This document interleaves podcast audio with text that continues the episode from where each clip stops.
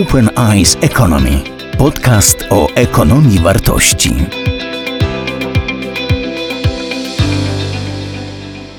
Jesteśmy w gronie wybitnie społecznym. Jak Państwo tam popatrzą, to tak policzyłem. Jest czterech socjologów i jedna politolożka. Nie wiem, co to wróży słuchaczom i, i nam wszystkim, no ale zadanie jest e, poważne. I e, to mm, zwracam uwagę na to, że ta sesja nazywa się sesją inspiracyjną, czyli mamy różne rzeczy powymyślać w kontekście tego, że przewodnim tematem, motywem wszystkich działań w tym roku będzie kwestia energii społecznej. Skądinąd powiem Państwu, że w Wikipedii polskiej hasła energia społeczna nie ma. E, sprawdziłem, chciałem zobaczyć, co też ktoś tam mądry napisał, ale widocznie ta energia do Wikipedii e, nie e, dotarła. Co coś już mówi o, o tym, czym mamy się zajmować. Pytanie jest oczywiście takie, co tę energię blokuje, a co ją uruchamia. Będziemy pracowali nad takim raportem. Dzisiaj też będziemy próbowali się dysku, próbowali dyskutować, zastanawiać nad tym. Każdego z Państwa poprosiłem, zaproponowałem, abyście w tej pierwszej rundzie, w tej pierwszej rundzie pomyśleli i powiedzieli waszym zdaniem, jaka jest jedna, nie chcę powiedzieć, być, że kluczowa, ale waszym zdaniem bardzo istotna rzecz, która sprzyja temu czemuś, co moglibyśmy nazwać uwolnianiu, mobilizowaniu, sensownemu wykorzystywaniu społecznej energii. Nie wchodźmy w definiowanie, czym ona jest, bo y, za daleko byśmy nie zaszli. Ale też po drugiej stronie, jaka jest jedna rzecz, która tę energię Państwa zdaniem blokuje, marnuje, anihiluje i tak dalej. Spróbujmy więc dojść po tej pierwszej rundzie do zestawu trzech, czterech rzeczy po tej stronie in plus, trzech, czterech rzeczy po stronie in, in minus. Może się zresztą tak ukazać, że dla niektórych plus jest plusem, a dla kogoś innego jest minusem, albo odwrotnie. To dopiero byłoby y, ciekawe i, i interesujące. Y, technicznie to będzie wyglądało tak, że każdy z Państwa bo żeby to nie była seria monologów, tylko rozmowa, ma pięć minut. Kiedy będzie zbliżała się minuta piąta, teraz proszę patrzeć, ukaże się Państwu na ekranie takie coś. Takie coś, bez czego nikt, żaden moderator obyć się nie może. Niepokoi mnie tylko to, że Kuba koso patrzy na ten ekran, na, na którym jest i, i, stara się nie zauważać tego, co ja pokazuję, ale tak będzie. E, e, moderator, który jest z daleka, ma utrudnioną rolę, ale ja po prostu zacznę też gadać wtedy, jak już to byłoby nadmiernie długo. Dobrze. To tak chciałbym, żeby wyglądało technicznie, żeby oprócz tej pierwszej rundy była też próba, możliwość odniesienia się wzajemnie. Ja sobie oczywiście będę notował to, co Państwo będą mówili. Dobrze by było, gdyby taka kartka na koniec, zestawienie resume się y, pojawiło. Zacznijmy od y, jeśli pozwolicie, ja nie będę używał żadnych tytułów i wszystkich innych, chociaż trudno mi będzie się tego wyzwolić, bo Kuba już szedł i manifestacyjnie mówił, że on jest magister, toż nie będę mu tego ciągle wypominał. E, dobrze. Anna Giza. Zaczynamy. Tak jak jest w, w kalendarzu, w, w programie wypisane. Bardzo proszę. E, rozumiem, że jest włączony. Tak, jest włączony mikrofon. Tak. E, bardzo się cieszę, że e, tu jestem. Żałuję tylko, Cezary, że nie macie tutaj fizycznie, ale trudno. Oczywiście jestem zdewastowana, że nie mogę zdefiniować energii społecznej, bo to byłoby rzeczywiście prawdziwe wyzwanie, no ale to oczywiście żart. I teraz tak, korzystając z tych moich pięciu minut, to powiedziałabym, że bardzo często jesteśmy świadkami uruchamiania się energii społecznej y, przy bardzo różnych okazjach i są to okazje zarówno pozytywne i poruszające, jak i może trochę mniej poruszające. Y, te poruszające to wtedy, kiedy rzuciliśmy się pomagać uchodźcom z Ukrainy, y, kiedy razem sadzimy drzewa, a te może mniej poruszające, czy mniej takie no, nas zachwycające to wtedy, kiedy bronimy się przed zrobieniem czegoś na naszym placu zabaw, albo kiedy bronimy się przed przeprowadzeniem ścieżki rowerowej przez nasze podwórko i tak dalej. Innymi słowy, to nie jest tak, że tej energii społecznej, przez którą rozumiem jednak to powiem, taką zdolność działania razem i robienia czegoś wspólnie, to nie jest tak, że jej brakuje. Natomiast kiedy ona się wyzwala i zaraz powiem, e, dlaczego jej wyraźnie brakuje. Ona się wyzwala wtedy, kiedy, zresztą Cezary o tym wspomniał, kiedy mamy poczucie, że to ma sens. Innymi słowy, że robimy coś, co jest dobrze zdefiniowane, że wiemy, czemu to służy, że wiemy, po co to robimy, ale co może jest e, jeszcze bardziej istotne, e, mamy poczucie wykonalności i realistyczności tego, co robimy. To jest coś, nad czym mamy kontrolę, możemy to doprowadzić do końca, to od nas zależy, czujemy się współodpowiedzialni i czujemy się współwłaścicielami jakiejś rzeczy, którą chcemy zrobić. Ale nacisk kładę tutaj na poczucie sensu i na wiarę w to, że to może przynieść te skutki czy te owoce, e, na których nam zależy. Natomiast rzeczywiście jest tak, i ja to widzę niestety aż nazbyt często i mam takie wrażenie, że my opanowaliśmy do perfekcji sztukę anabiozy. To zapamiętałam z lekcji biologii. To jest y, y, taki proces, któremu ulegają na przykład żaby, że jak przychodzi zima, to ona tak wygasza czynności życiowe i po prostu tak udaje, że jej nie ma. I faktycznie jak patrzę na przykład na swoich studentów, którzy siedzą z nosami w swoich laptopach i starają się nie poruszyć, żebym przypadkiem, żeby moje oko na nich nie padło, to mam takie poczucie rzeczywiście takiej, e, pożyczę tutaj termin od psychologów, takiego wyuczonego bezruchu, takiego wyuczonego wygaszenia motywacji i wygaszenia emocji. E, I moim zdaniem, i teraz przejdę do tej najważniejszej bariery, więc najważniejszym wyzwalaczem jest poczucie sensu i wykonalności. Natomiast tym, co ją najbardziej blokuje, blokuje jest niewiara w to, że faktycznie możemy coś zdziałać. To jest niewiara w to, że nasz wysiłek może przynieść e, jakieś, e, no, może przynieść zrealizowanie naszych celów. I ja mam wrażenie, że my e, jesteśmy skutecznie e, od małego, powiedziałabym, e, trenowani i ćwiczeni w tym, że nam się nie uda. Tak? I to jest na bardzo wiele różnych sposobów. To się przede wszystkim dokonuje właśnie w różnego rodzaju sytuacjach społecznych czy sytuacjach publicznych. To są wszystkie te sytuacje, kiedy uczniowie uczą się rozumieć, y, że nie mają tam co się wysilać i wychylać, bo i tak nic z tego nie będzie. To są wszystkie sytuacje pozorności pewnych pozornie demokratycznych przekonań i y, y, rozwiązań. I ja po prostu myślę, że jak ktoś się parę razy sparzy, parę razy zainwestuje wysiłek, parę razy spróbuje i przekona się, że to było tylko tak na niby, że konsultacje zrobiono, ale i tak y, plac zabaw powstał gdzie indziej, y, że bardzo fajnie nas wysłuchano, ale nic z tego wszystkiego nie wyszło, że zrobiliśmy sobie, i to są autentyczne przypadki, zrobiliśmy sobie cudny ogródeczek, a potem przyjechali naprawiać rury i wszystko to rozjechali. Widzę ten wykrzyknik, ale tak naprawdę ja myślę, że te najważniejsze rzeczy powiedziałam. Chciałabym tylko powiedzieć, że odpowiedzialność za ten bezruch, czy też anabiozę, y, czy taką próbę pokazania, znaczy udawania, że w ogóle się nie czuje, nie myśli i tak dalej, że y, to nie powinniśmy odpowiedzialnością obarczać y, ludzi tylko powinniśmy się zastanowić, zanim cokolwiek zrobimy. Ja sama jestem winna. Zdarzało mi się podrywać ludzi do boju, a potem nic z tego nie wychodziło.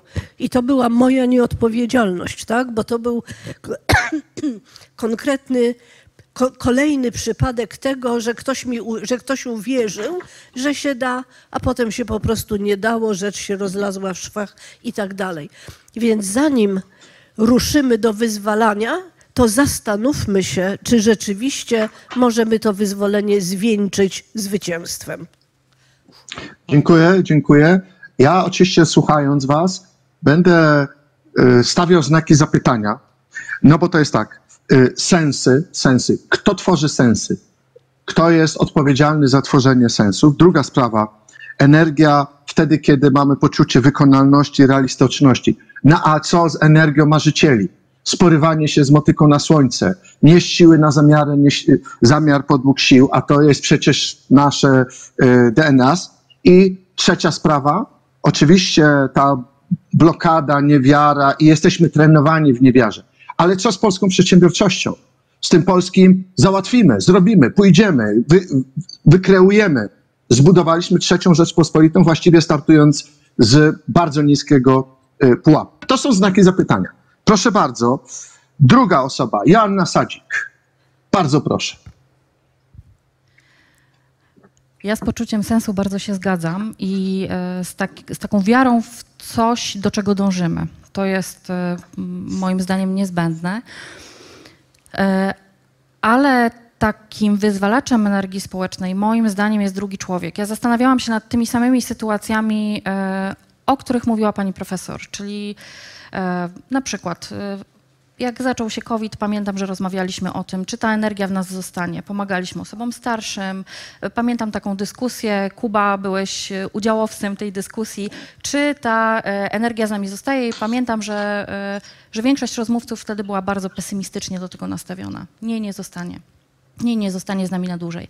E, sytuacja w zeszłym roku z eskalacją wojny w Ukrainie, pamiętamy wszyscy 24 lutego co było zaczątkiem tego, że wtedy masowo zaczęliśmy e, coś robić. Zastanawiałam się też nad mniejszymi rzeczami, takimi jak e, rejony szlachetnej paczki.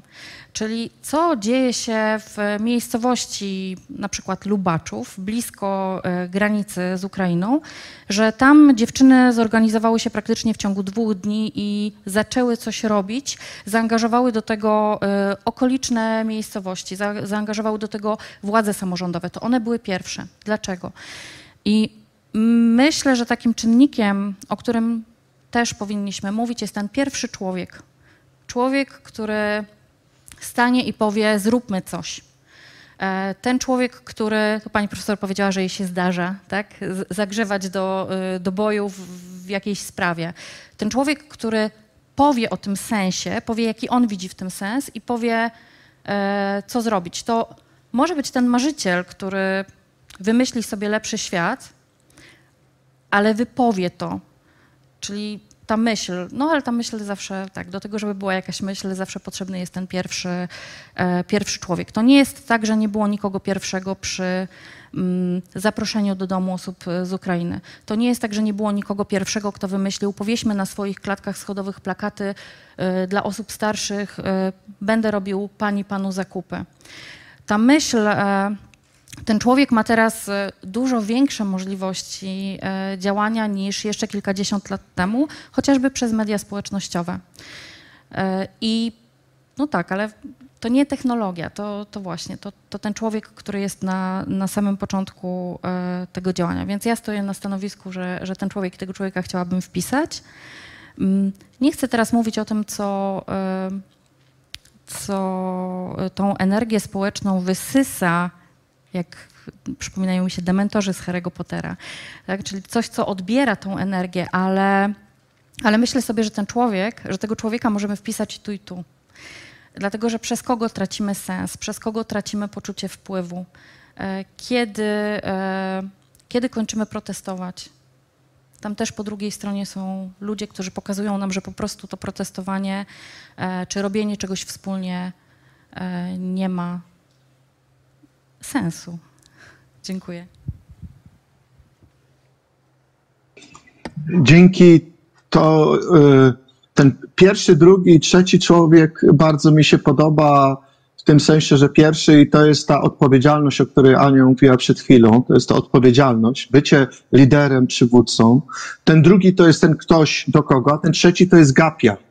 Ci, którzy stoją z boku tego. Ale jest oczywiście też czwarty, który aktywnie przeciwdziała nigdy nie zapominajmy o tych, którzy są po stronie, no i właśnie tej, tej y, tamtej. Nigdy nie zabraknie tych, którzy podpiszą niewłaściwy wyrok, y, uruchomią procesy i tak dalej, i tak dalej.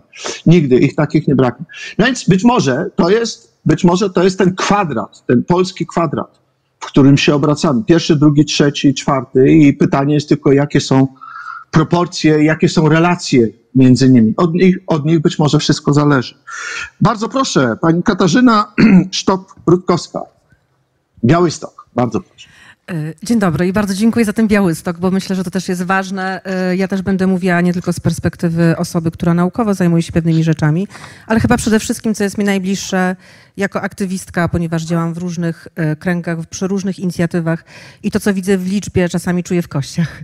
I myślę, że to doświadczenie jest również bardzo ważne. Y, bardzo trudno oczywiście wybrać ten jeden czynnik, który uwalnia tą energię i y, który ją spowalnia czy też blokuje. No ale jak było takie zadanie, to ja zadaniowo podeszłam. E, oczywiście bardzo ważne jest to, co też mówiły moje przedmówczynie i chciałabym jednak dać tak półtora tego czynnika. To znaczy dla mnie bardzo ważne są emocje. Wydaje mi się, że to, co uruchamia energię, to są emocje. I e, wydaje mi się, że czasami w, takich, w takim myśleniu o tym mówimy, że emocje to jest takie coś mało istotnego, bo to trzeba racjonalnie przemyśleć, trzeba mieć plan, zadanie i trzeba mieć misję i wizję tego, jak ma być. Natomiast tak jak obserwuję, zwłaszcza te ostatnie lata w Polsce, to wydaje mi się, że emocje, gniew, wkurzenie, jest czymś, co rzeczywiście generuje ogromną energię, czy też strach i lęk, bo myślę, że w kontekście wojny w Ukrainie to też był jeden z ważniejszych czynników, właśnie ta emocja, która jednak towarzyszyła. I chciałabym tylko powiedzieć, że to jest to, to pół, tak? To znaczy, żebyśmy pamiętali o tym. Jest świetna książka um, Tomasza Markiewki o gniewie, który pokazuje właśnie, jak gniew jest jednak też społecznie niezwykle użyteczny. Natomiast wydaje mi się, że jest to bardzo trudne, żeby później ten, e, te emocje dalej wykorzystywać i dalej e, pracować e, z takiej dłuższej perspektywie. Dlatego wydaje mi się, że najistotniejsze dla mnie jest jednak takie mozolne, codzienne budowanie więzi międzyludzkich i sieci społecznych. I ja wiem, że to jest banalne, natomiast też e, pracowałam przez kilka lat jako osoba, która e, wspomagała takie społeczności lokalne, grupy mieszkańców akcji Masz Głos Fundacji Batorego. Pracuję też z młodzieżą, e, tak oddolnie i na co dzień. No i widzę, że to jest niezwykle ważne, żeby po prostu ludzie byli ze sobą w kontakcie. To jest ten człowiek oczywiście, tylko ja bym poszła właśnie dalej, czyli to jest budowanie pewnych wspólnot, czasami zadaniowych, ale czasami takich, które wynikają po prostu z tego, że się mieszka w jednym miejscu i że człowiek chciałby coś zrobić albo chciałby po prostu, tak jak młodzież, mieć jakieś miejsce, w którym na przykład spotykają się ze sobą i po prostu są ze sobą.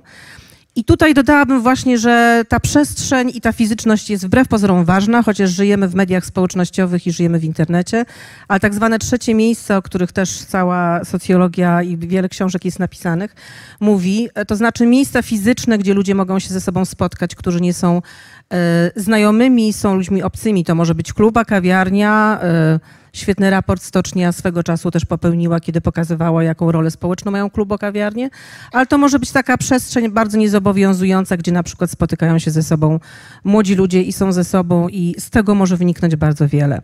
Czyli to są takie więzi e, codzienne, mozolnie budowane, także tak jak mówię, one nie wynikają z tej energii nagłej, która nam przyspiesza w momencie bardzo silnych emocji społecznych. Natomiast co nam e, przeszkadza, no to tutaj chciałabym zwrócić też uwagę, to nie jest może najważniejsza rzecz, nie wiem, nie wiem co jest najważniejsze, natomiast jest to bardzo ważna rzecz, to też wynika z mojego doświadczenia aktywistycznego, to jest kwestia liderów i liderek i ich wypalenia i tego, że ludzie, którzy są e, z przodu, którzy ciągną, którzy są tymi, którzy e, dają tą narrację, o której też mówimy od początku, tak? Czyli e, objaśniają nam, e, czy proponują nam, e, dokąd mamy pójść i że jest jakaś szansa i jest jakaś nadzieja na to, że rzeczywiście można coś zrobić. I to wypalenie liderek, liderów, wydaje mi się, że ja obserwuję to na co dzień bardzo w taki no, widoczny sposób, ale też widać w badaniach. To są badania Klon, Jawor, to dotyczy organizacji pozarządowych. Oczywiście mamy mnóstwo nieformalnej energii też społecznej, o której warto pamiętać. Ona jest, uważam, równie ważna. Natomiast e, nawet same organizacje już w badaniach pokazują, że to jest równie ważne jak problemy finansowe. Wypalenie ludzi, e, to, że musimy działać na tak bardzo wielu, w tak bardzo wielu miejscach. Ja w ciągu ostatnich lat nigdy nie byłam wcześniej na tylu demonstracjach, jak właśnie w ciągu ostatnich lat, chociażby tak. I to, to jest bardzo, bardzo, y, bardzo, bardzo istotne i ważne z mojego punktu widzenia. I też widzę wykrzyknik, więc kropka tylko nad i. To też wynika z mojego doświadczenia. Przez kilka bardzo intensywnych miesięcy w Białymstoku tworzyłam grupę Granica, która y, działała y, w kontekście kryzysu na granicy polsko-białoruskiej. I muszę Państwu powiedzieć, że to było takie najgłębsze doświadczenie tego, jak bardzo ważne jest e, tak, coś, co nazywamy kulturą pomagania. My mieliśmy całe grono psychoterapeutów, tak ustawiłam grupę, bo wydawało mi się, że to jest bardzo istotne. I dbaliśmy o siebie wzajemnie i zawsze mówię, że grupa granica przede wszystkim nauczyła mnie własnych granic. I tego, że nie możemy ich przekraczać, bo po prostu e, przestaniemy działać i się wypalimy. Dziękuję bardzo. Na razie tyle. Dzięki bardzo serdeczne. Y, padło to codzienne budowanie relacji, ja wiem, że to banalne. No właśnie, być może to jest taki czas, kiedy banalność, czy coś, co wydawałoby się banalne, staje się ponownie czymś kluczowym, czymś, co jest w samym sercu życia społecznego. To jest ta siła y, banalności y, i nie wolno jej nie tylko lekceważyć, a nie wolno nie zapominać. Kuba, bardzo proszę. Dziękuję za zaproszenie tak sobie myślałem o tym, bo ja ostatnio dużo mówię o energii, bo prowadziliśmy panel o kosztach energii. O kosztach energii, ubóstwie energetycznym. I to może brzmieć jak żart, zresztą niektórzy uczestniczyli w tym przedsięwzięciu, ale jeżeli myślę o energii tak głębiej, to wydaje mi się, musiałem się przez te dwa lata sporo nauczyć także tej, nazwijmy to, sposobu myślenia o energii, heurystyki, która temu towarzyszy. Uważam, a rozumiem, że ta sesja miała do czegoś prowokować w nudnym gronie socjologów więc pomyślałem, że część tego instrumentarium jest bardzo tutaj przydatna. Na przykład w pojęciu energii mówi się o trylemacie. Czyli o tym to są dylematy, wszyscy wiemy na czym. Dylemat to jest takie trudniejsze zwierzę, które polega na tym, że trzeba zaspokoić jednocześnie trzy rywalizujące wartości. Myślę, że o tej energii, tym bardziej, że widać, że językowo my tak nasiąkamy tym pojęciem wypalenia, ognia i tak dalej. Zaraz do tego wrócę zresztą. Ale radziłbym tym, którzy chcą pielęgnować to pojęcie, no bo to albo to jest kolejna parafraza kapitału społecznego, potencjału społecznego. Tych słów to w socjologii one tak cyrkulują, są ciągle o tym samym, tylko znajdują nowe skórki, tak bym powiedział. Natomiast tutaj jest coś naprawdę no, I na przykład taki dylemat, wyobraźcie sobie, że siedzicie teraz i rzeczywiście chodzi o energię typu elektrycznego albo ogrzewanie. Klasyczny trylemat energetyczny brzmi, że ona musi spełniać trzy warunki. Musi być dobra, w rozumieniu taka właśnie, że to nie są opony. To jest coś takiego, co jest, można powiedzieć, dobrą jakościową energią. Najchętniej, żeby była z wiatru, słońca i z czego tam jeszcze, z samej pneumy mniej z węgla i z kopalnych, żeby była dostępna w takim rozumieniu, że jest wtedy dostępna, kiedy jest potrzebna, a nie wtedy, kiedy wieje wiatr lub go nie ma. Znaczy, że ona jest, że ona daje poczucie bezpieczeństwa. Można ją włączać i wyłączać. I trzecie wreszcie, że jest dostępna w takim rozumieniu, że nas na nią stać, że ludzie nie są z niej wyłączeni, bo dość łatwo sobie wyobrazić tych, którzy jeżdżą hybrydowym samochodem i wszystko się zgadza, tylko ile osób może kupić hybrydowy samochód i dlaczego żółte kamizelki wychodzą i mają akurat, jeśli mogę tak powiedzieć, i to, co ich rusza przede wszystkim, to, że zakazano im diesli i uważają, że par, pa, paryscy intelektualiści jeżdżący hybrydami nie będą ich pouczać w sprawie tego, czym oni mają jeździć do Paryża, żeby ich obsługiwać i że mają diesle Rozumiecie, koniec sprawy. Więc gdyby spojrzeć na energię społeczną z tego punktu widzenia, to bardzo jest płodna interpretacja. Czasem bywa, gdyby zastanowić się, co oznaczają owe, nie, ty miałeś kwadrat, ja mam teraz trójkąt, bo ja w ogóle specjalizuję się w triadach, tryptykach i trójkątach i uważam, że to jest y, ciekawe, sporo o tym piszę. Więc można by się zastanowić, co to znaczy dobra energia i zła energia. Mi się wydaje, że tak jak w kapitale społecznym jest to odkrywcze pojęcie brudnego kapitału społecznego i niebrudnego kapitału społecznego i ten, o którym E, to już bardziej jestem na terytorium socjologii. Ten brudny to jest taki, który jest w gruncie rzeczy wyłączający. To znaczy on jest ekskluzywny, jest on między nami, bo nie jest między innymi. Natomiast ten, o którym marzymy oczywiście w tych idyllicznych wywodach, to jest taki uogólniony kapitał, takie domniemanie dobrych intencji po stronie także nieznajomych. No wiecie, znane reguły gry, obniżone koszty transakcyjne no i tak dalej, i tak dalej. Natomiast myślę, że jak mówimy tu o energii, tu padło na przykład, że one mają bardzo różnego rodzaju triggery, chyba tak bym powiedział. I część myślenia o energii to jest taka energia, jak myślimy o spalaniu, o, o kopalnych, znaczy o wybuchu, o tym wszystkim, że nagle skumulowana energia odpala. Bo na tym w gruncie rzeczy polegają paliwa kopalne, że długo, historycznie, geologicznie gromadzona energia po prostu daje się odpalić wtedy, kiedy jest potrzebna. I bardzo długo jeszcze będziemy na tym bazować. I tutaj pojawia się cała gama emocji, bo myślę, że ta energia, i to jest jeden rodzaj energii, ten taki wybuchowy, ten taki, który się zapala, którego metaforą jest benzyna, wybuch, to, że, da, że on się, no czasami go kontrolujemy, czasami nie. Pojawiają się takie słowa jak gniew na przykład i dobrze w ogóle oswajamy się z tym, jak ważną kategorią jest gniew i że wyzwalamy się z takiego, takiego domniemania, że to na pewno jest coś złego, brudnego i w przedszkolu tak nie robimy, nie krzyczymy na siebie. Gniew, y, Iliada, już jest, nie ma jeszcze tego, słuchajcie, więc to jest ciekawe, znaczy Iliada zaczyna się od słowa gniew, to właśnie Achilles jest w gniewie i kończy się jednak pojednaniem z Priamem i to jest cała ta pętla, jak dużo energii daje gniew. On jest nam bardzo potrzebny w czasach, w których generalnie on uruchamia, jest rodzajem takiej gwałtownej, jakbyśmy połknęli pastylkę moralnej supremacji, bo gniew zawsze tyle właśnie oznacza. Oznacza, że jestem w sposób zdecydowany i jednoznacznie przekonany o tym, że wiem, po której stronie jest dobro. Ale tych emocji może być więcej. Zresztą gniew też jest bardzo ciekawe, bo pismo mówi o tym, że to jest bardzo dobrze, tylko żebyśmy jakby, że powinien zgasnąć przed zachodem słońca. Że gniew jest bardzo ważny, ale pielęgnowany jest trucizną. I że wiele tych elementów energetycznych, o których tutaj wyłączył mi się ten tablet, na którym zrobiłem tyle cennych notatek, to dla, dla waszego dobra chyba. Nie, żartuję, przecież ja sobie jakoś dam z tym radę. E, ale chodzi mi o to, że ta metafora energii dobrej i złej, takiej, której można używać, ale którą trzeba umieć mitygować, trzeba umieć nią zarządzać. To jest arcyważne i gniew jest jedną z takich emocji. Są bańki gniewu. No specjaliści od zarządzania emocjami bardzo dobrze wiedzą, co to znaczy i um, umieć je odpalać w odpowiednim momencie. Trochę się tam boję, wiem. Nawet samo pojęcie generatorów, zastanawiałem się wczoraj na tym, generatory, nie wiem, nie wszyscy znacie pewnie credo nicejskie, ale jest taki moment, kiedy mówimy zrodzony, a nie stworzony. Współistotny w ojcu, co więcej. Dlaczego to jest ważne? Dlatego, że w oryginale to brzmi generato non creato i generato oznacza to, że to jest taka energia jakby wytworzona, ta współistotność oznacza to, że ona naprawdę była w tej społeczności, że ona nie jest kreato w rozumieniu, moglibyśmy powiedzieć, że ona jest sfabrykowana, że ona jest dostarczona, że ona jest sprowokowana. Więc jak głębiej myślimy o energii, poza tej, która jest wybuchowa, jest właśnie benzyną, to chcielibyśmy mieć coś takiego, co nie wybucha, trochę jest jak ogrzewanie podłogowe. Znaczy tego jest dużo i tak spokojnie i że ona jest organiczna i najlepiej jest odtwarzalna i że ona powstaje poprzez złożenie takich wiele złóż takiej, nie wiem, lokalnej tradycji, tego, że ludzie się znają, że tak się po prostu robi. Jak będzie drugie wejście, to pojadę bardziej od strony Tao, bo to też jest bardzo ciekawe. Ale generalnie, Amen. że jest też zdrowa energia. Już krzyczysz na mnie? No więc... Amen. Słucham? Co Amen.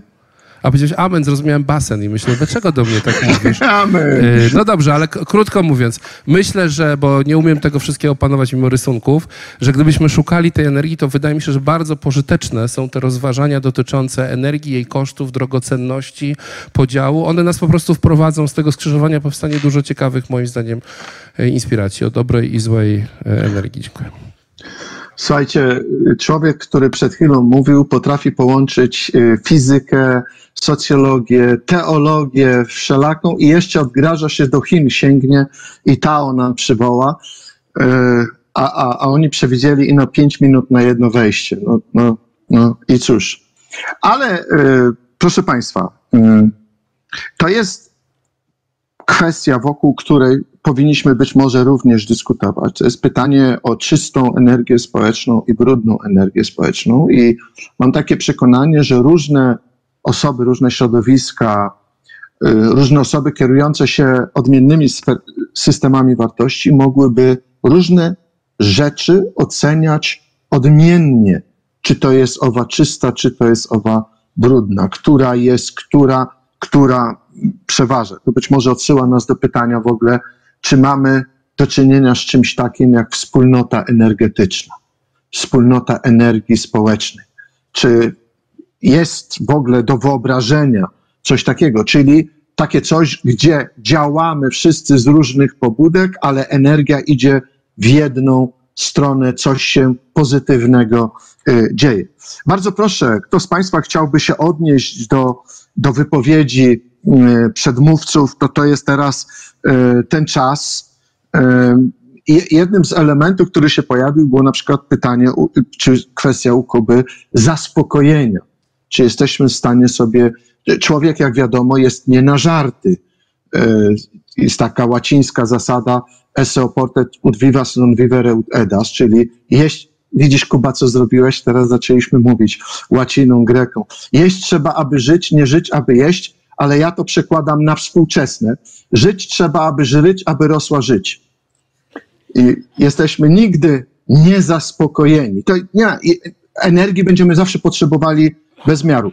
Ale być może tak jest, że energia społeczna jest niewyczerpanym zasobem. Chyba, że wszyscy popadniemy w jakąś y, katatonię, to o czym mówiła Ania, anabiozę, chociaż ona jest optymistyczna, bo jak idzie wiosna, to się budzimy. I teraz chciałbym Was zostawić z takim pytaniem. Czy jesteśmy u progu wiosny energii społecznej w Polsce? Dobrej energii społecznej w Polsce? To już tak będziemy po porządku, prawda? Żeby już tak było. E, no oczywiście ja jak zawsze jestem zachwycona tym, co, co y, powiedziały i panie, i, i Kuba, i oczywiście y, moderator, bo to naprawdę daje do myślenia. I czy jesteśmy, mnie się wydaje, że my permanentnie jesteśmy u progu tej wiosny i ona od czasu do czasu kiełkuje i się pojawiają jakieś przebiśnigi, tak? Czy, tak? No ale potem to znowu jakoś ulega zmrożeniu. I ja bym chciała może powiedzieć, bo bardzo słusznie y, padło to pytanie, kto jest odpowiedzialny za sens, tak? Ja bym jeszcze może zaczęła od tego, że musimy bardzo uważać, żeby tej energii nie uruchamiać i nie traktować instrumentalnie.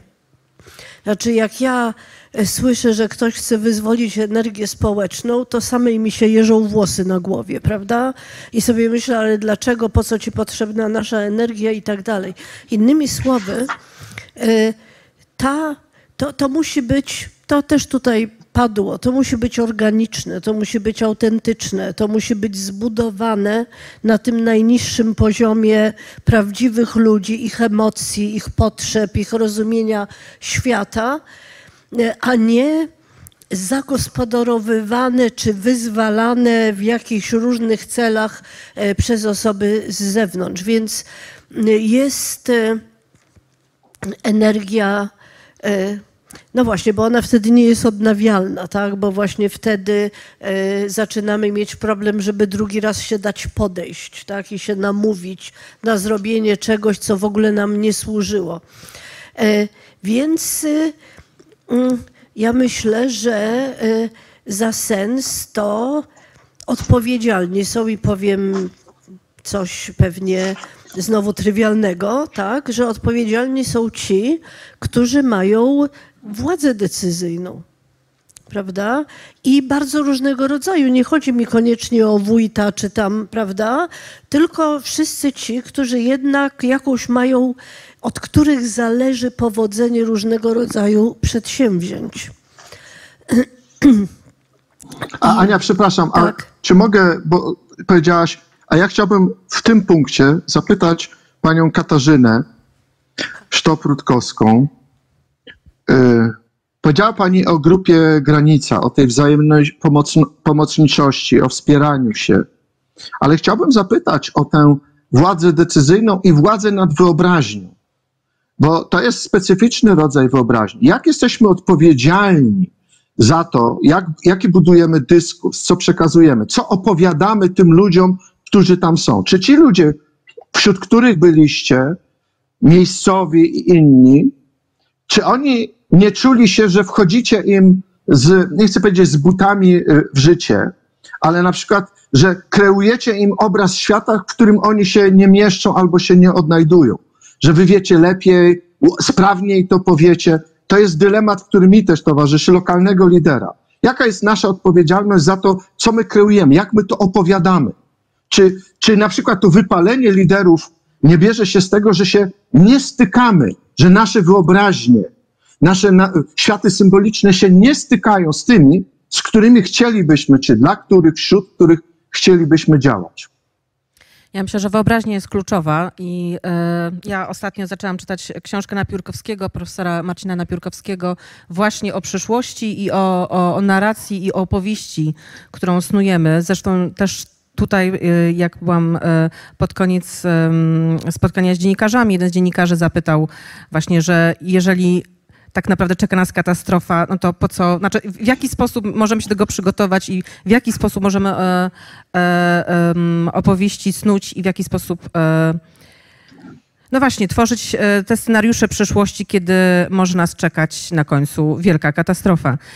E, dlaczego o tym mówię? To, o, czym, o co pan zapytał e, i to, co Grupa Granica jest jednym z wielu oczywiście przykładów, to jest to, że bardzo ważne jest, i wydaje mi się, że to jest to, czego nam też brakuje trochę w tej energii społecznej, albo jest tego bardzo dużo i one wzajemnie ze sobą konkurują, to, są, to jest brak narracji, opowieści, która podrywa ludzi do działania. Nie tego na chwilę, tak jak powiedziałam, tego, o którym mówiliśmy w kontekście chociażby, nie wiem, protestów, e, w momencie, kiedy masowo wychodzimy na protesty, tylko tego, która, to jest to ogrzewanie podłogowe, o którym mówiliśmy na początku. To jest ta narracja i ta opowieść, która sprawia, że nas mobilizuje przez dłuższy czas, dzięki czemu możemy oczywiście dojść do jakiegoś e, momentu. E, takiego kluczowego, kiedy spełniamy czy rozwiązujemy jakieś, jakieś problemy.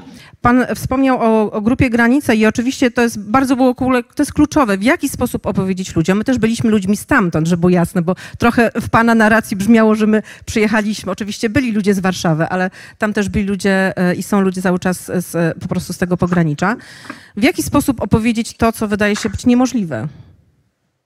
Bo trochę tak jest. I wydaje mi się, że e, pytanie w kontekście energii społecznej o tym, w jaki sposób opowiedzieć teraźniejszość, czyli w jaki sposób zdiagnozować, jak jest, czy mamy kryzys, czy mamy prześlenie, czy mamy postęp, czy mamy katastrofę i tak naprawdę nie ma w ogóle e, już w tej chwili żadnego rozwiązania, ale też jak pokazać przyszłość, w jaki sposób namalować tą wizję tego, w jakim kierunku możemy pójść. E, ja, prawdę mówiąc, jestem e, tutaj dosyć pesymistyczna. To znaczy, wydaje mi się, że niestety świat e, internetu i mediów społecznościowych sprawia, że to też jest banalne, żyjemy w tych bańkach i że bardzo trudno przebić się z taką narracją, która przebijałaby te bańki. Wydaje mi się, że to jest bardzo ważne zadanie też ludzi no, takich jak my, czyli ludzi, którzy działają i którzy aktywnie próbują zmieniać tą rzeczywistość. Więc chyba nie mam takiej odpowiedzi w takim sensie, jak ta narracja powinna wyglądać. Raczej bym powiedziała, że my w Polsce zwłaszcza bardzo, bardzo potrzebujemy tej narracji i tego, w jakim kierunku powinniśmy pójść. Tej opowieści, która nas jednak uskrzydli. E, no a nie sprawi, że będziemy załamani i że nas zamrozi, ponieważ i tak czeka nas katastrofa. To jest w ogóle pytanie oczywiście o te takie milenarystyczne czy chiliastyczne opowieści. Idziemy roz, rozpadamy się, zapadamy się. W moim przekonaniu taka katastroficzna narracja bardzo dobrze sprzyja władzy autorytarnej, bo wpycha ludzi w pasywność. Wpycha ludzi właśnie w wycofanie się. No jak już wszystko idzie ku złemu, albo e, w takie konsumpcyjne nadrabianie, ostatni moment, ostatni, korzystajmy. E, myśląc o przyszłości, jeszcze narysowałem sobie coś, co bardzo często pokazuję. Ciekaw jestem, czy się, czy się uda pokazać. E, przyszłość w języku polskim ma pewną pewną tą. Jak się wykreśli pierwsze pięć literek, to zostaje nam coś y, innego. To, y, I to czasami, y, jak rozmawiamy o przyszłości, to czasami uruchamia nas. Ale do Kuby w, drugim, w drugiej rundzie pytanie. Anabioza. Jak do Kuby, do Kuby, Ania powiedziała o anabiozie. Kuba, z Twojego doświadczenia, z Twoich obserwacji, również z tego panelu, E, energetycznego, jak zapytałem o wiosnę. Bo z anabiozy można wychodzić w różny e, sposób. Może być gwałtowne przebudzenie, może być przebudzanie, które trwa, ale zmiany klimatyczne oznaczają, wiecie, misie latają po Bieszczadach i nie ma właśnie snu e, zimowego. Czy Kuba, z Twojego doświadczenia, jak wychodzimy albo jakie mamy doświadczenia, jakie mają, mamy praktyki, albo jakie one powinny być, aby wychodzić z tej anabiozy nie w sposób destrukcyjny dla tego, kto się budzi, ale też nie w sposób destrukcyjny dla świata, który jest wokół nas. Że ja mam wiedzieć. No a kto? Dobra, no tak, ale mi się... No dobrze, to Anna... Ja tego nie znałem, bo przespałem tą część na biologii, ale wiem, takie przebudzenie to jest w ogóle pytanie, a tak, tak mówię skrótami, jeśli pozwolicie Państwo. No jak myśmy myśleli o tej, nazwijmy pedagogice energetycznej, bo też to trzeba bardzo podkreślić, że my wszyscy mówią droga energia, drożyzna. My mówimy, i to jest duża mentalna, bo dużo mówimy narracja, ja się zgadzam, to jest najważniejsze, bo to wszystko jest w głowie. Znaczy gdzieś między głową a emocjami cała ta rzecz się dzieje, tak bym powiedział. No to umyślnie już chcieliśmy jakoś to przesunąć, ten akcent w kierunku pojęcia energii drogocennej i to jest coś takiego, co, znaczy krótko mówiąc, nawet jak była za darmo, to nie należy jej używać i nadużywać i jej marnować i tak dalej. To jest to, co w kulturze polskiej, to co wiemy już na przykład o wodzie, że mamy jakoś tak już wszyte głęboko, że, tak, że to tak się nie puszcza wody. Czy w polskiej kulturze jak chleb upada, no ekonomicznie to nie ma żadnego sensu, ale wiemy, tak się nie robi. Tak się nie robi. I że o energii też powinniśmy myśleć o czymś, co nie dotyczy już naszego własnego portfela i czy nas stać, czy nie stać. I z tego powodu też trudno się zrozumieć. Bo tu w Krakowie, jeśli ktoś ma fotowoltaikę i pompę ciepła, to roczny rachunek za 150-metrowy dom może wynosić 350 zł. Ta sama osoba bez tych utensyliów zapłaci 15 tysięcy złotych. Nie potrafią się w ogóle zrozumieć, na czym polega e, ten problem. Ale jeśli chodzi, ja myślałem, że to będzie tak, że ta zima bardziej da nam popalić, tak bym powiedział, i że na tym przedwiościu tak się otrząśniemy, tak po prostu y, i tak y, strząśniemy z siebie, to będzie nie, następnej takiej, takiej zimy to my już tu wykropkuję, nie, nie będzie. Że to będzie czas dobrych postanowień. Może tak będzie, tego nie wiem. Chociaż zima tutaj właśnie ten efekt pedagogiczny, szczerze mówiąc, bardzo osłabiła, bo to jest tak, jakbyśmy się cudem wykaraskali z tego. No my jeszcze niedawno byliśmy w Cieszynie szukać tam jakichś specjalnych ultraratowniczych programów dla osób, które nie mogą zapłacić i nie daj Boże nam tam po prostu gdzieś zamarzną. I takie przypadki oczywiście także się zdarzało, bo to, że ludzie sami wyłączają prąd, bo po prostu ogrzewanie, bo nie mogą zapłacić, to owszem się zdarza. Ale ten efekt pedagogiki kosztów, bo możemy dużo sobie rozmawiać, ale nic tak ludzi nie skłania z całą pewnością do oszczędności energii, modernizacji i zmiany zachowań, jak, jak to, że po prostu widzą ten rachunek, albo widzą, że sąsiad to zrobił. Zresztą to śmiesznie. Najsilniejszy efekt behawioralny związany z modernizacją polega na tym, to w Stanach zrobiono ten eksperyment, że drukują ci rachunek, na którym jest napisane, uwaga, że sąsiad płaci mniej. Jak więcej, to cię nie zmusza do modernizacji. Jak mniej, to efekt jest piorunujący po prostu. Nie chcemy być tymi frajerami. To też dotyczy tej energii. Myślę, że to, co się w Polsce stało, to daliśmy się nie, nawet nie na siebie nabrać, tylko odnaleźliśmy tą lepszą cząstkę swojej natury przy pomocy. I to, co pierwotnie, bo tu często się mówi o tej metaforze tego jednego, który wyszedł, i on, nie on jest ważny. Ważne jest, czy ktoś drugi go naśladuje, bo to, to oddziela wariata od lidera tak naprawdę. I bardzo dużo ludzi wychodzi i mówi, i nikt za nimi nie poszedł. I zostają w końcu zidentyfikowani jako wariaci. Czasem jest drugi, trzeci, czasem wszyscy. To znaczy kategoria dysfunkcji, czy nazwijmy to dewiacji i normy zamieniły się miejscami. w Polsce to się, e, to się zdarzyło, bo właściwie chyba część ludzi bardziej by się czuła w obowiązku tłumaczenia, dlaczego nie pomagają, niż to, że pomagają. Więc jakby te okay. rzeczy zaszły. Ale Dobrze. ty chcesz... E, Przepraszam, Kuba o to wybudzenie. Ale muszę. Tak, no, ale niestety, bo jeszcze panią Joannę chciałem, a to jest punkt, w którym, bo tu dostałem SMS-a, o której koniecznie musimy skończyć. Niestety musimy za chwileczkę skończyć. Wie, wiem, że jesteś nienasycony. Dobrze, dobrze. dobrze. Ta, ta, ta, tam było takie coś, ale y, chciałem właśnie panią Joannę o to zapytać. Y, o to odwrócenie norm z perspektywy właśnie y, projektu, który realizuje, działania społecznego, czy to już właśnie jest tak, że musicie się tłumaczyć z tego, że to robicie, czy raczej ktoś musi się tłumaczyć, że się nie włącza, że tego nie robi albo że tego nie rozumie? Co jest, y, czy pomaganie, zaangażowanie stało się pewną normą, czy nadal pozostaje pewną, y, nie chcę powiedzieć frajerską dewiacją, czy czymś niezrozumiałym?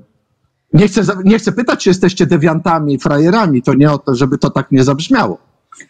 To, to, znowu, e, to znowu bardzo zależy, tak? Jak, jak e, mówiliśmy o tej narracji, że narracja, która jest bardzo pozytywna przez drugą grupę, może być oceniona jako coś kompletnie e, idiotycznego, to, przepraszam za kolokwializm, to dokładnie jak sobie myślę, zaczęłam się zastanawiać teraz nad tym, co jest przeciwieństwem tej energii społecznej. Czy przeciwieństwem dobrej energii społecznej jest zła energia społeczna, czy przeciwieństwem energii społecznej, bo tak do dzisiaj myślałam, jest brak tej energii społecznej, czyli to, że właśnie nie pomagamy.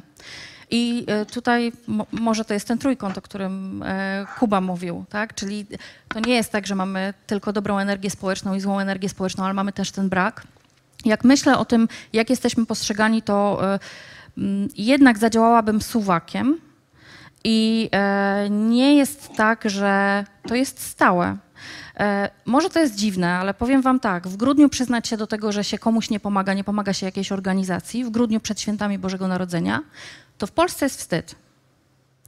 Ale w kwietniu, w maju to w ogóle nie jest temat.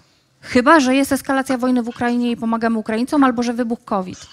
Czyli, że moim zdaniem pomaganie nadal nie jest normą. To, że ta energia społeczna nadal nie jest normą. Ale jak myślę o ogrzewaniu podłogowym, to są takie miejsca w Polsce, w którym to ogrzewanie podłogowe działa. Jak myślę, gdzie działa i co jest czynnikiem sukcesu, to te relacje, o, o, o których y, pani mówiła. Mm, I małe społeczności i takie bardzo proste rzeczy, przy których wszyscy się zgadzają. Wszyscy się zgadzają, że powinno powstać przedszkole w gminie. Wszyscy się zgadzają, że e, młodzież powinna mieć jakieś inne miejsce niż e, sklep monopolowy, e, który jest gdzieś tam w głównym miasteczku. Czyli przy, potrafimy być tym ogrzewaniem podłogowym jako ludzie w momencie, kiedy znajdujemy małe, bardzo lokalne rzeczy i to obserwuję w paczce. Bardzo często i są już takie miejsca na mapie Polski, gdzie mówienie, że się nie angażuje e, w szlachetną paczkę od września do grudnia jest wstydem. A już na pewno wstydem jest powiedzieć, że e, nie będę tego robił, nie będę pomagał. Ale w Polsce w grudniu tak, w kwietniu, maju to nie jest norma. Okej. Dziękuję bardzo. Przepraszam, że musiałem tak wchodzić w Wasze wypowiedzi, ale chciałbym na koniec wszystkim słuchającym powiedzieć, że wbrew zapowiedziom, iż jest to grono socjologiczno-politologicznie, była budowlanka, hydrologia, fizyka, biologia, teologia, klimatologia i kilka innych e, rzeczy. I, I to pokazuje oczywiście, że reprezentujemy nauki bardzo uniwersalne i potrafimy się wypowiadać przy pomocy metod zaczerpniętych ze światów różnych. Natomiast z tego rejestru oczywiście spraw, który się tutaj pojawił, takie kluczowe rzeczy to emocje, sens, odpowiedzialność też w kontekście władzy, czyli tego kogoś, kto podejmuje decyzje, kwestia sprawczości, czy tego poczucia podmiotowości, kwestia odpowiedzialności też w takiej roli nie manipulowania, nie marnotrawienia, ale nie wywoływania też energii bez sensu, czyli na, na, na zmarnowanie. To jest właśnie to, że na wsi kiedyś w Polsce się nie marnowało, bo to było bez sensu. To jest oczywiście też kwestia budowania relacji społecznych, więzi, to jest kwestia narracji, pytania o to, co jest normą i to jest to, e, co Kuba gdzieś albo Ania na koniec mówiła, tak się nie robi, albo czas dobrych postanowień. Tak, ja myślę, że to jest czas dobrych e, postanowień i też być może, jak już przywołujemy różne nauki, to być może jeszcze jedna, bo Kuba mówił o pedagogice energetycznej, pomyślałem sobie w ogóle, czy w kontekście energii jedną z kluczowych kwestii nie jest taka pedagogika społeczna i trochę inaczej rozumiana, nie właśnie w kategoriach zawstydzania, nie w kategoriach stygmatyzowania, tylko raczej w kategoriach właśnie pedagogiki odpowiedzialności, takiego wsparcia, zmobilizowania się od małych rzeczy. Bardzo mi się podobało to podkreślane przez Was powiedzenie, że zaczynamy od, od małych rzeczy, budujemy te banalne niby relacje. Bardzo mi to kaszubskiej i pomorskiej naturze y, odpowiada, bo od tego właściwie zaczyna się zmiana świata. Bardzo serdecznie dziękuję za spotkanie. Mam notatków y, dużo. Będziemy je kontynuować. Nie mogę obiecać, że to ostatni raz. Nie mogę. Dziękuję bardzo serdecznie wszystkim.